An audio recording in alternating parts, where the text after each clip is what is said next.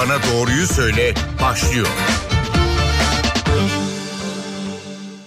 NTV Radyo Stüdyosu'na hoş geldiniz. Ben Öykü Özdoğan. Olağanüstü günler yaşıyoruz. 15 Temmuz darbe girişiminden ardından her gün şok haberler, bilgiler, görüntüler ortaya çıkıyor. Bunlardan nasıl etkileniyoruz? Yaşadığımız şok mu, travma mı? Öyleyse nasıl atlatacağız? Bunları konuşalım istedik bugün. Stüdyomuzda Profesör Doktor Bengiz Semerci var. Hoş geldiniz. Hoş bulduk. E, telefon numaralarımızı hatırlatalım dinleyicilere 0212 335 47 20 335 47 20 ne oldu telefondan bize ulaşıp sorularınızı stüdyo konuğumuz Profesör Doktor Bengi Semerci iletebilirsiniz. E, 15 Temmuz gecesi 12 Eylül darbesinden 36 yıl sonra e, bir anda kimimiz televizyonda kimimiz yollarda tanklarla askerlerle e, karşı karşıya geldik. Alçaktan uçan F-16'lar e, o korkutucu seslerle atılan bombalarla gece yarısı neye uğradığımızı şaşırdık. O sesle çocuklarımız yataktan kalktılar. Bir yandan da şu tip endişeler yaşar olduk. O bildiri okunması sırasında evde yeterince yiyecek var mı, su var mı, çocuğun bezi var mı, para var mı, para arasında evde yeterince yiyecek var mı, su var mı, çocuğun bezi var mı, para var mı, para olsa ne yapacağız gibi gibi sayısız e, endişe yaşadık. Yetkililerin söylediğine göre tehlike hala geçmiş değil. Her gece meydanlarda milyonlar toplanıyor. E, bir yandan operasyonlar sürüyor. O gece ve sonrasında e, yaşadıklarımız şu an fark ettiğimizden daha farklı, daha uzun vadede izler bıraktı mı diyerek başlayalım isterseniz. Tabii ki her darbe girişimi ya da terör olayı ya da benzer bir şey e, doğal afet de bunun içine girebilir. Bir travma etkisi yaratır toplumlarda. E, 15'inin 15 Temmuz'un biraz farkı vardı. Şöyle ki aslında biliyorsunuz bir süredir Türkiye'de sık sık tekrarlanan terör olayları oluyordu ve aslında bomba patlaması, insanların kaybedilmesi gibi bir şey beklenenler içinde maalesef yer almaya başlamıştı. Ama 15 akşamı e, onları bu bekledikleri tehlikelerden koruyacaklarını düşündükleri bir sistemin farklı hareket ediyor olması insanların korkularını ve e, kaygılarını daha arttırdı. Tabii ki e, bir kere Türkiye'deki yaşlı kuşak e, 36 yıl oldu dediniz ama yine de şu an benim yaş grubum ve benim üst yaş grubum e, daha önce 12 Eylül darbesini yaşayan bir grup ve bir bir anlamda e, bir darbe sonrası neler olabileceğini her an her boyutuyla bilen bir grup. Dolayısıyla onların tepkileri ve onların endişeleri, korkuları başkaydı. Bir de hiç daha şimdiye kadar darbeyle karşılaşmamış ya da işte darbe olduğu zaman çok küçük yaşta olanlar vardı. Ee, onların e, tepkileri biraz daha farklıydı. İnsanların temel gereksinimlerinin başında güvenlik gelir. Dolayısıyla 15 Eylül akşamı o güvenlik e, ihtiyacımız o bizim ihtiyaç hiyerarşimizdeki en ön sıralarda yer olan şey e, darbe aldı aslında. Darbe alan en büyük şey oydu. E, dediğim gibi hani F-16 geçmesi demek aslında askerin olması demek, tankın olması demek sizi koruyacağını düşündüğünüz aslında sizi gelecek dış tehlikelerden koruyacağınıza inandığınız bir mekanizmanın e, size karşı hareket ediyor olduğunu görmek bu tepkileri ve korkuları, endişeleri arttırdı. Çünkü çünkü güvenlik hissini çok kötü yaraladı. Ee, sizin de söylediğiniz gibi 40 yaşın altındakiler e, postmodern darbe diye adlandırılan 28 Şubat'ı saymazsak e, darbe terimini bile belki bilmeyen e, bir grup da var. E, sonrasında milyonlar ellerinde bayraklarla sokağa çıkıyor dedik. Demokrasi nöbeti başladı ve hala devam ediyor. Ve e, yetkililer tehlike henüz geçmedi diye açıklamalarda bulunuyor. E, ne gibi belirtileri var bu travmada diye adını da koydunuz. Bu travmanın bizdeki belirtileri nelerdir? Farkında mıyız? Onu bile bilmiyoruz. Hı hı. Tabii ki o demin saydığınız şeyler insanların ilk e, kendilerini korumaya almaya çalıştıkları. Çünkü yine o ihtiyaç hiyerarşimizde beslenme yani güvenlikle birlikte işte beslenme korunma e, gibi şeyler ilk yine ihtiyaç temel ihtiyaçlardan. O nedenle insanlar evde yiyecek var mı işte satın alabilir miyiz bankamatikten para mı çeksek gibi daha o korunma ihtiyaçlarını gidermeye yönelik şeyler yaptılar. E, daha sonrasında ise o toplum psikolojisiyle işte meydanlara çıkmak ve o meydanlara çıkmanın bir aslında sonuç getirdiğini görmek. Yani kendi güvenliğinizi bir şekil e, sağlamayı başarabildiğinizi görmek e, dolayısıyla farklı bir duygu durum oluşturdu. Aslında şu anda bir taraftan travmanın etkileri yaşanırken bir taraftan da hoş bir şey var. Aynı anda bir umut e, ve hani bir şeyler yapabiliyoruz ve işte yeniden e, bir ayrım çünkü biliyorsunuz işte Türkiye'nin son zamanlarda özellikle ciddi e, toplum içindeki ayrımlaşması, e, çeşitli isimler altında ayrımcılığın çok e, ön plana çıkması, insanların birbirlerine olan güvenlerini kaybetmenin ötesinde neredeyse kendilerine benzemeyenlere karşı bir öfke, hmm. bir nefret duyar hale gelmiş olması aynı tehlikeyle karşılaştıkları zaman ki öyledir genellikle e, bir toplumun birleştiren en önemli şeylerden birisi ortak tehlike karşısında e, aynı şeyin aynı çadırın altına toplanmaktır. Şu anda o aşamayı yaşıyoruz. Ama tabii ki bu hele tehlike geçmedi e, kısmı ve bunun gerçek gerçekçi olması, bunun yetkililer tarafından da vurgulanıyor olması insanların endişelerinin, korkularının bir taraftan da e, yatışmamasına da neden oluyor doğal olarak. Belki de yatışmaması gerekiyor çünkü belli oranda korku kendimizi korumamız için de gerekli bir şey. Yani hiç korku duygumuz yoksa bir aslanın üstüne gidebiliriz ve bizi parçalayabilir. Dolayısıyla kendimizi korumak için korkuya da belli oranda ihtiyacımız var. Ama bu korkuyu nasıl yaşadığımız ve nasıl yansıttığımız önemli nasıl kanalize ettiğimiz önemli. Eğer hayatımızı çok etkiler hale getirip normal yaşantımızı sürdüremez ve bu korku hayatımızı idare eder hale getirmişse o zaman ciddi travmanın e, baş edemediğimiz bir sonucuyla karşı karşıyayız demektir. Meydanlardaki birçok insan da tabii ki bir taraftan vatan sevgisi, vatanı koruma, bütün bu duyguların yanı sıra aslında bir çeşit korkuyla da baş etme yöntemidir. Birlikte olmak, omuz omuza olmak, toplu halde olmak ve e, bir şey yapıyor olmak. Yani evde oturup da tek başınıza televizyona ya da sosyal medyaya bakmaktan daha koruyucudur birçok insan için ve o duyguyu paylaşmak ortak birileriyle aynen taraftar olmak gibi yani futbol maçında taraftar olmak gibi daha kendini güçlü hissetmek, daha var hissetmek için önemli bir şey. Korku günlük hayatımızı kontrol altına alıyorsa problem var dediniz yanlış e, anlamadıysam. E, daha hafif belirtileri de aslında hepimiz yaşıyor gibiyiz. Yani daha sık görülen bir baş ağrısı, belki daha bir uykusuzluk, daha bir halsizlik, daha bir gerginlik. E, bunların adını koymakta fayda var belki NTV Radyo dinleyicileri evet. için. Çünkü zannediyorum ha sen de mi öyle hissediyorsun duygusu bile iyi geliyor insana. Yani şu an toplumsal olarak hep birlikte travma sonrası stres bozukluğu dediğimiz bir e, süreci yaşıyoruz. Travma sonrası stres bozukluğunun belirtileri işte dediğiniz gibi uyku bozukluğu, uykuya dalmada güçlük, uykudan uyanma, sık tekrarlayan rüyalar, e, en ufak bir e, sarsıntıda özellikle o jetlerin çok e, hissetmiş olanların işte e, en ufak bir gürültüde acaba yeniden mi uçaklar uçuyor, ne oluyor gibi hissetmeleri, e, her şeyden çabuk irkilmeleri bunlar hep travma sonrasındaki stres bozukluğunun belirtileri. E, Kimimiz daha çok etkileniyoruz her travmada olduğu gibi. Kimimiz daha az etkileniyoruz. Genellikle bireysel travmalardan sonraki bireysel etkilenmemiz daha çoktur. Yani bir tecavüze uğramanın dıktan sonraki travma sonrası stresimiz e, bu böyle bir toplumsal olaydakinden ya da bir afetten sonrakinden çok daha fazladır. E, kişilik özelliklerimiz, çevremizdekilerin tepkileri, ne kadar desteklendiğimiz, kendimizi nerelere ait hissettiğimiz bunların hepsi o travmanın bulgularını daha hafif ya da daha az yaşamamıza neden oluyor. Ama hepimiz yaşıyoruz ve doğal bir şey bu uzun vadede daha farklı belirtiler veya tepkiler ortaya çıkabilir mi? Çıkar tabii ki bu travmanın e, ne kadar sürdüğüne, sonuçlarının ne olacağına bağlı olarak e, değişecektir.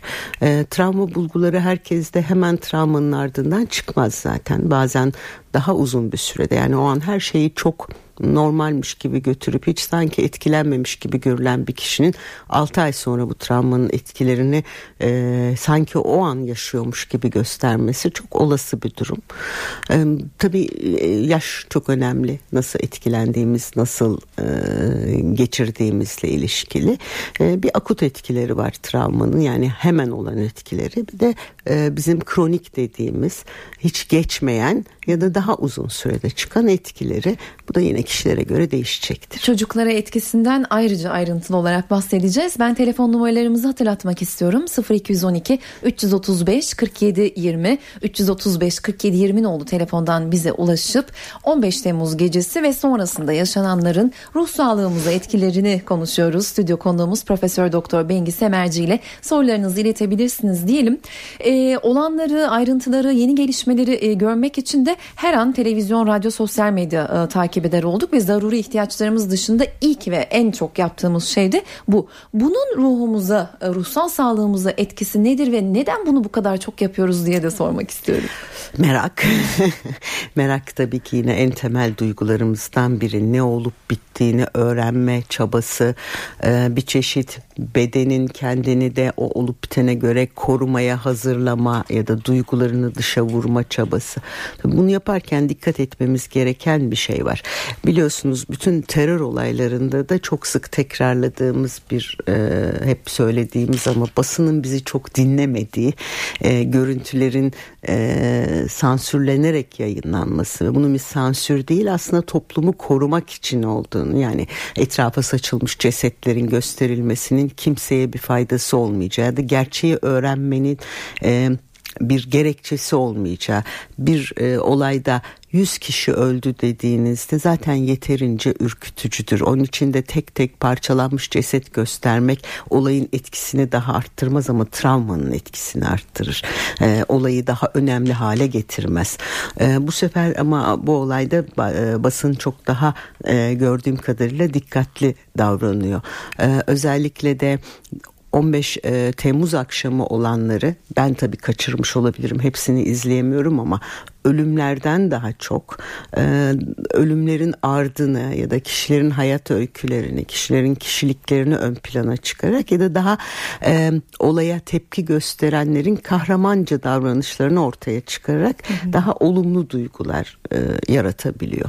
Aslında bir taraftan o basında gösterilen işte herkesin sokaklarda olması, e, bayraklar omuz omuza olunması, farklı görüşten insanların aynı çatı altında toplanıyor olabilir olabilmesi bir taraftan da insanların evet yani kendi baş, kendimizi koruyabiliyoruz ve birlik olabiliyoruz duygusunu güçlendiriyor. Öbür yandan sosyal medya gerçekten hem çok önemli çünkü anında basından çok daha çabuk haber iletilebiliyor ve çok daha çabuk bilgi alabiliyorsunuz ama aynı oranda da e, aklı değerlendirme yargılamanızı da sıfırlayabilen ve e, sizi çok yanlış şeylere ve dolayısıyla da travmanızı arttırıcı şeylere yöneltebilen bir şey. Mesela 15 e, Temmuz'da da aynı şey oldu. Daha önce de aynı şey olmuştu.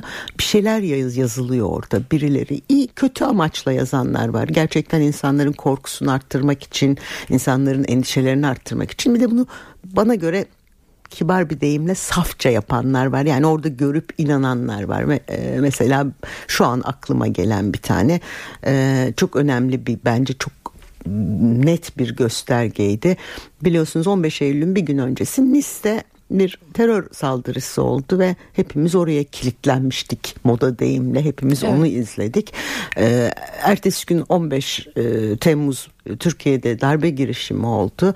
İşte halk sokaklara çıktı ve bir gün sonra sosyal medyada çok hızla yayılan bir şey vardı. Fransız konsolosluğu işte İstanbul'da belli yerlere bomba konulduğunu söyledi ve tam hatırlamıyorum ama 13 tane filan metro istasyonu gibi yerin adı vardı ve bu hızla insanlar arasında yayılmaya başlandı.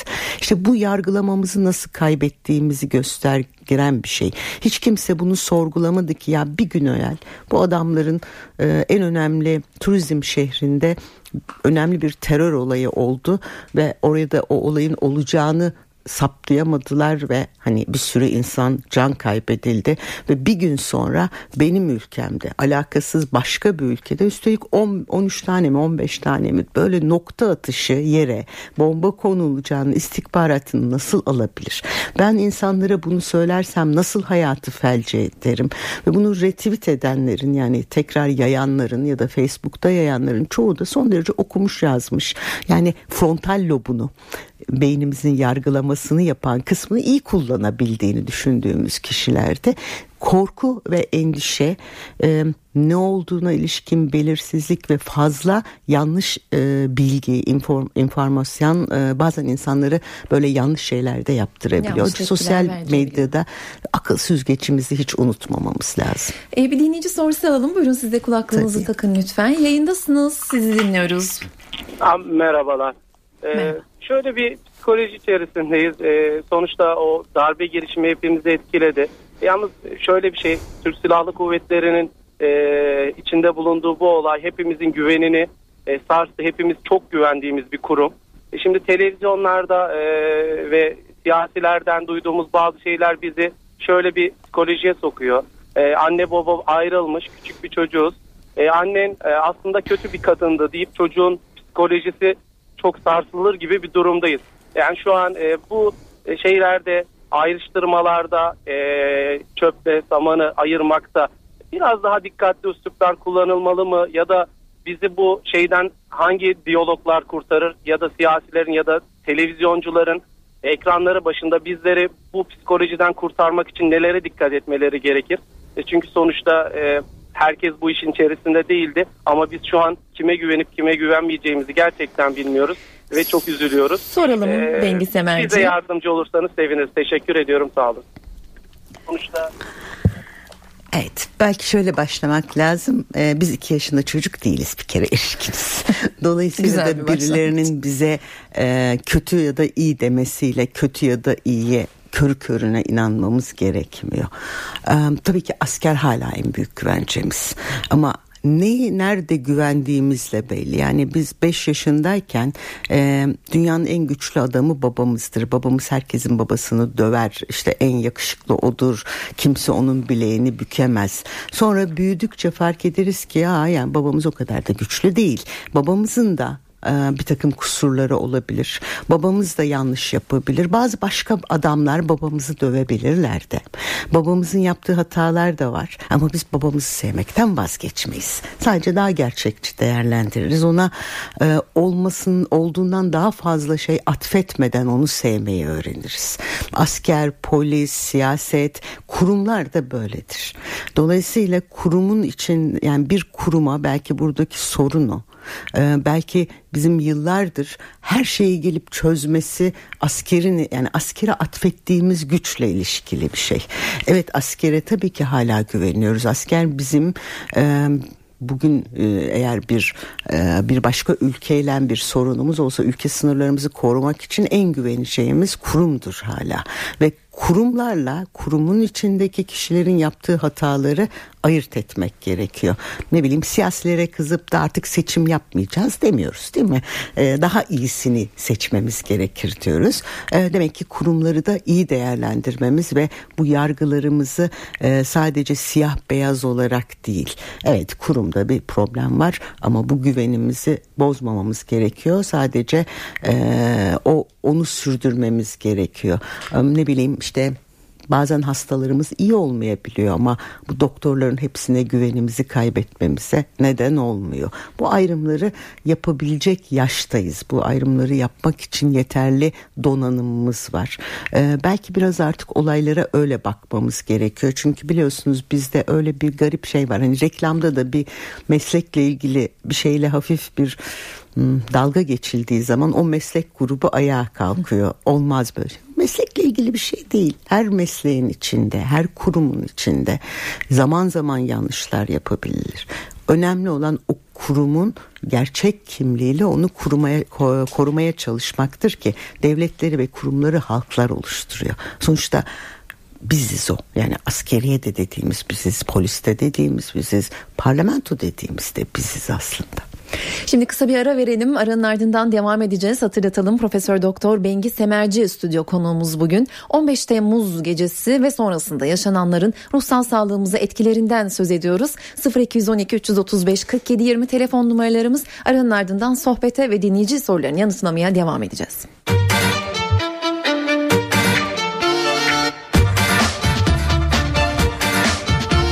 Doktor bana doğruyu söyle devam ediyor. Doktor Bana Doğruyu Söyle programındasınız. Stüdyo konuğumuz bugün Profesör Doktor Bengi Semerci ile 15 Temmuz gecesi ve sonrasında yaşananların ruhsal sağlığımızı etkileri üzerine sohbet ediyoruz. 0212 335 47 20 telefon numaralarımız. Ee, darbe gelişimi ve sonrasındaki gelişmelerin yarattığı e, olumsuz etkilerden peki kurtulmak için, uzaklaşmak için ne yapmalıyız? Bir kere biliyorsunuz şu en başta siz de söylediniz henüz hani bir tehlikenin varlığının sürmesi tamamen kimsenin uzaklaşmasını mümkün kılmaz. Ama hayatımızı sadece buna odaklarsak hiçbir zaman o travma etkisinden çıkmayız. Ee, ben insanların kendi kendine böyle zamanlarda bulduğu çözümler demin bahsettiğim gibi meydanlarda olmak, bayrak sallamak, şarkı söylemek, işte e, marş söylemek de bir aslında baş etme mekanizmasıdır. Diğer yandan yine kişi insanların kendi kendine buldukları iki gündür dikkatimi çekiyor. Mesela Facebook'ta politika paylaşmayın, müzik paylaşın. Bunlar hep kişilerin kendilerini korumak için bulduğu savunma mekanizmaları. Ama bütün travmatik olaylarda genel değişmeyen bir şey var. Ee, ne kadar çabuk günlük hayatınızın gereklerini yerine getirmeye başlarsanız mümkün olduğu kadar e, hayatınızdaki yapılması gereken şeyleri normal koşullarda yerine getirmeye başlarsanız e, travmayla baş etmeniz o kadar kolay olur. İkinci bir şey ne kadar çok ailenizle sizi seven, sizinle e, destek olduğunu bildiğiniz, e, sizi her zaman yanında olacağını bildiğiniz kaç yaşında olursanız olun onlarla birlikte olmak. Yani şu laf doğru aile her derde deva denir ya. Hani onlara sarılmak onların güvenini hissetmek birlikte olduğunuzu hissetmek daha çok paylaşmak daha çok e, onlarla paylaşmak duygularınızı anlatmak başkalarının duygularını dinlemek e, hep size yardımcı olacaktır. Hani böyle bir reçetesi yok şu ilacı alın da geçsin gibi bir şey değil bu. E, ama yapılmaması gereken temel şey sanki hayattaki diğer her şey durmuş gibi bütün konuşmalarınızı, bütün hayatınızı sadece darbe haberlerini izlemek, sadece bu konuyla ilgili şeyleri okumak işte o travmanızı arttıracaktır. E, Twitter'dan da sorular geliyor. Sonra onları da e, ileteceğim. Arkadaşlarım toparlıyorlar soruları. E, bir yandan da rutinini tamamen bozup kaçıp gitmek istemeler tabii e, çok yükselmeye başladı. Rutini bozmak mı, rutine devam etmek mi? E, Şimdi rutinini bozup kaçıp gitme isteği e, çok sık ortaya çıkıyor bu son zamanlarda. Hani e, terör olaylarından sonra da çok sık ortaya çıktığını duyduğumuz bir şey. Tabii ki rutini bozup gitmek o kadar kolay bir şey değil. Yani aslında e, hani ne kadar e, maddi gücünüz olsa da ne kadar eğitiminiz olsa da sonuç olarak göçmenliktir bu. Yani rutini bozup gitmek dediğimiz şey başka ülkeye gitmek, kendinizi daha iyi hissedeceğinizi düşündüğünüz bir ülkeye gitmek demektir ki travmatik olaylardan e, en baş sırada yer alanlardan bir tanesi de mülteci olmaktır, göçmen olmaktır. Sonuç olarak bir travmadan başka bir travmaya hani bu şeyinizle ilgili değil. Hangi ülkeye giderseniz gidin ne kadar maddi gücünüz olursa olsun, e, ne Hep kadar eğitimli de olsun. Onlar size oraya ait hissetmeyecekler. Siz orada her zaman göçmen olacaksınız. Her zaman farklı bir sınıfta olacaksınız. Bu da bir travmadır. Dolayısıyla bir travmadan kurtulmanın yolu başka bir travmaya kaçmak değildir. Tabii ki insan başka bir ülkeye göçebilir ama bunu kaçmak şeklinde değil bir takım şartlarını, ilgilerini vesairelerini kontrol ederek yapmalıdır. E, pek çok etkinlik iptali oldu tabii 15 Temmuz ardından. Özellikle yurt dışından gelen yabancı isimlerin katıldığı pek çok konser e, iptal oluyor. İptal edilen etkinlikler için en dikkat çekici açıklamalardan biri de John Baez'inkiydi gerçi onu da söylemeden geçemeyeceğim. E, bu, bu açıklamalar için veya bu iptaller için bunların bizde yarattığı etkiler için ne düşünüyorsunuz? Şimdi bu iptaller de yeni değil aslında. Ee, belki hani şarkı işte konser iptalleri çok dikkat çekmemiş olabilir ama e, biz son geçtiğimiz yıl içinde terör olayları nedeniyle özellikle bilimsel toplantılarda bu iptalleri çok sık yaşıyoruz. Büyük kongreler iptal edildi. Kongrelere konuşmacılar bulamadık. Konuşmacı gelmek isteyenler iptal ettiler son dakika e, ve Türkiye'deki güvenlikle ilgili zaten bir endişeleri vardı. Dolayısıyla da e, dışarı nasıl yansır yansıtıldığı, nasıl anlatıldığı, nasıl aktarıldığı çok önemli. Çünkü Paris'te ve Nice'de oldu ama kimse Fransa'ya gitmeyeceğim diye bir şey çıkmadı. Demek ki bizim dışarı yansıtmamızla ve Türkiye'deki güvenliği anlatmamızla ilgili bir sıkıntımız var bir kere. Kendimizi anlatmakla ilgili bir sıkıntımız var. Dolayısıyla tabii ki e, ülkeyi bilmeyen e, ne olduğunu bilmeyen insanların kendi ülkelerinin yöneticilerinden gelen e, işte tehlikeli bölge gibi uyarılara uyarak gelmemeleri normal. Ama e, John Boyce herhalde benim gibi birçok kişinin hayalini yıktı bu açıklamasıyla. Evet, bir açıklamaydı. Çünkü e, biz onu hani daha aktivist e, karşı. Yani burada onun dediği koşullarda yani burada şu anda Türkiye'de en kötü koşullar bile olsa e, onun kişilik yapısındaki birinin ya da bizim gözümüze koyduğumuz yerde tam tersine gelmesi ve e, buraya özgürlük getirmesini beklerdik ki o yüzden müthiş bir hayal kırıklığı oldu. Ama onun tam tersine ee, geçen hafta bizim çok önemli bir akademik toplantımız vardı mesela. Dünyada o, o alanda çok önemli bir başkan olan ve hani can güvenliği herkesten daha önemli olabilecek bir kişi. E, açtık biz hani geliyor musunuz panik halinde bir gün önce. Tabii ki geleceğim. Dünyanın diğer yerlerinden daha az güvenli denemez oraya ve hani hayatımızı başkalarının yaptıkları olaylarla kontrol ettiremeyiz deyip gelenler de var. Evet tabii tüm etkinlikler ve tüm konserler de iptal olmuyor. Haksızlık etmeyelim. Sting geliyormuş mesela. Evet hala. Yani Antalya'daki konsere. Dolayısıyla bu biraz da e, dediğim gibi o ülkelerde yapılan politika, e, propaganda ve ona uymak ve uymamakla ilgili. Bir dinleyici sorusuyla devam edelim. Süremizin de sonuna geliyoruz. Çok kısa bir soru olsun lütfen. Yayındasınız. Buyurun. Merhaba, yayındasınız. Bizi duyabiliyor musunuz? Alo. Sorunuzu dinliyoruz buyurun. Ee, bu İncirlik Havaalanı hakkında e, biraz rahatsız edici şeyler vardı. Bu uçaklar bizim evimizin çok yakınından geçiyorlar. Gece bazen Adana'da sıcak olduğu için damda falan yapıyoruz biz. Bu seslerden çok irkçiliyoruz. Kızım çok rahatsız oluyor. Sorunuz nedir? Ne yapabiliriz? Hı. Çocuğunuza nasıl anlatabilirsiniz? Bunu soruyorsunuz herhalde. Yani sesi duyduğu zaman ağlayarak kalkıyor. Tamam. Yani Soralım bu... Bengi Semerci'ye. Süremiz çok az kaldı. Kusura bakmayın. Buyurun lütfen. Aynı soruyu tabii ki ben de soracaktım. Tamam. O zaman kalan sürede bence biraz çocuklardan evet. bahsedelim. Şimdi bir kere çocuklar e, tabii ki travma aynı şekilde onları da etkiliyor her yaştaki çocukları. Ama şunu unutmamak gerekir. İzleyicinin de e, dinleyicinin de belirttiği yaş grubu yani 0-6 yaş grubu e, özellikle Diğer bir çocuklar da öyle ama özellikle o grup ebeveynleri başta olmak üzere çevrelerindeki erişkinlerin duygularını yansıtırlar.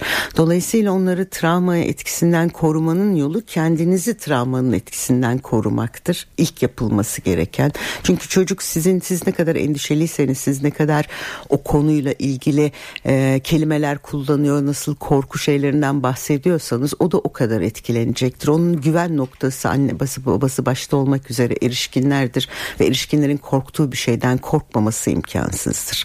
Ee, o nedenle çocuklarımıza güven vermek lazım. Ama korkuyorum diyen bir çocuğa kaç yaşında olursa olsun korkacak bir şey yok demek çok kötü bir cevap var demek var ve de korkuyor. Önemli olan neden korktuğunu tam anlamaya çalışmak.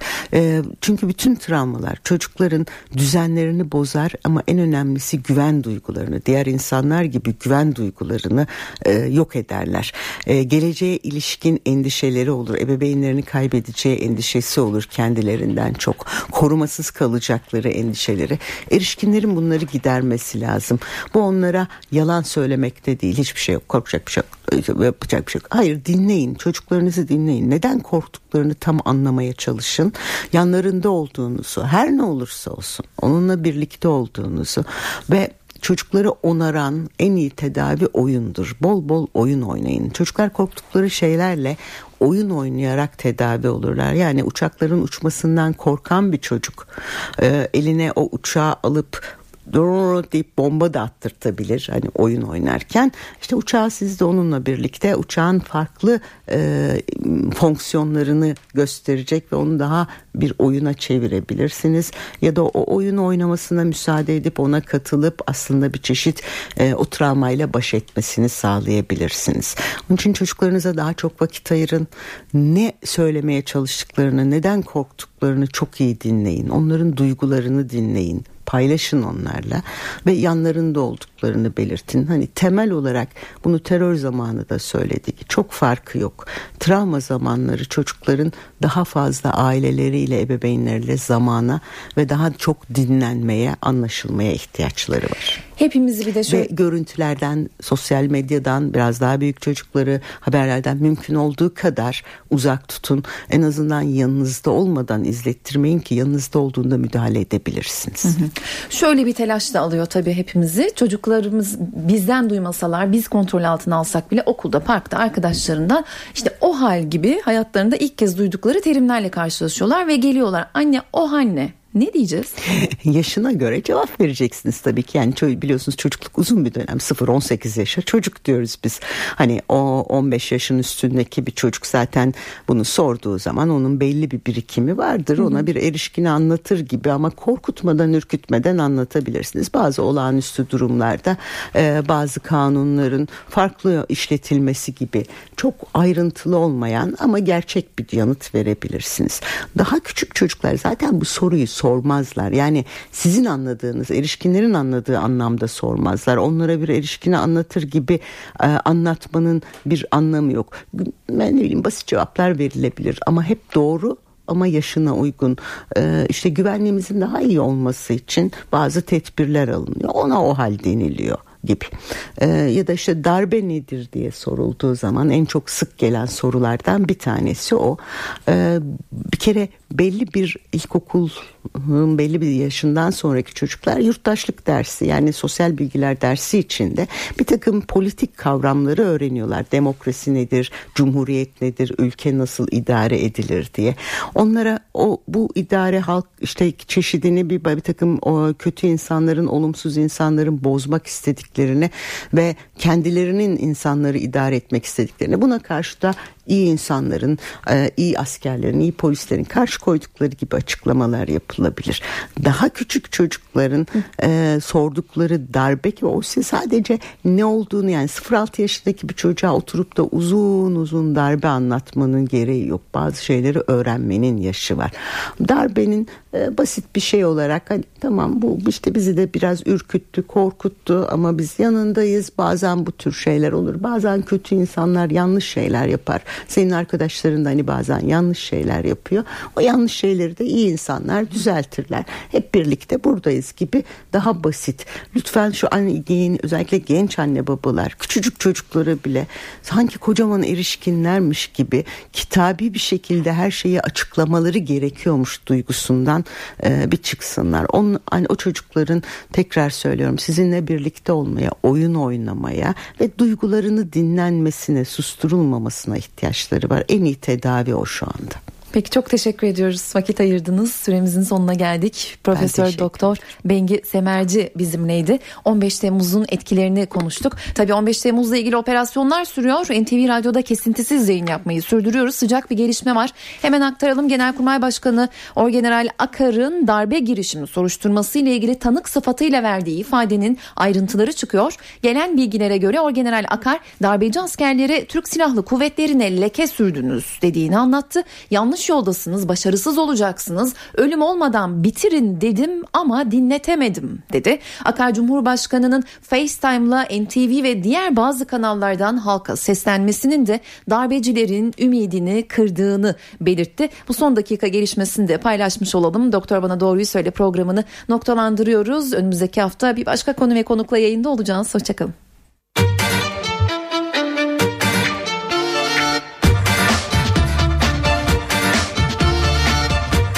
Bana doğruyu söyle.